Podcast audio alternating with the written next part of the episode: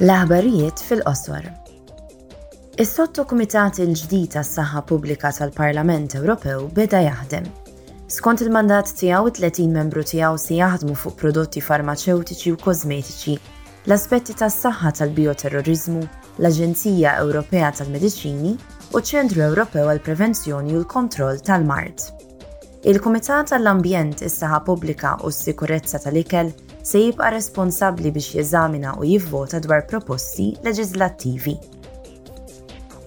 Għada l-Kummissjoni Ewropea se tippreżenta lill-membri tal-Parlament Ewropew tal-Kumitat għall-Ambjent u s-Saħħa Pubblika u l-Kumitat għall-Agrikoltura u l-Iżvilupp Rurali il-proposta għal regolament dwar miżuri sanitarji u fitosanitarji b'rabta mal-Irlanda ta' Fuq.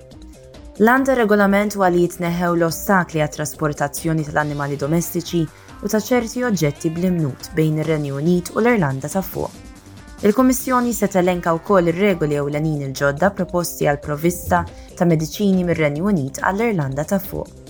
Iż-żewġ proposti ġejjin mill-qafas ta' Windsor li ntlaħaq qbil dwaru mill-Kummissjoni u l-Gvern tar-Renju Unit fis-27 ta' Frar.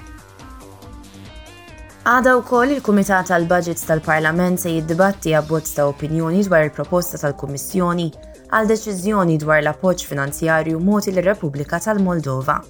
Din il-proposta tinvolvi żieda fl-assistenza kurrenti lill-Moldova b'145 miljun euro. Il-ħsieb huwa li jitkoprew partijiet mill-ħtiġijiet finanzjarji esterni tal-Moldova din is-sena li tkun appoġġjata l-istabbiltà makroekonomika u li jiġu promossi r-riformi.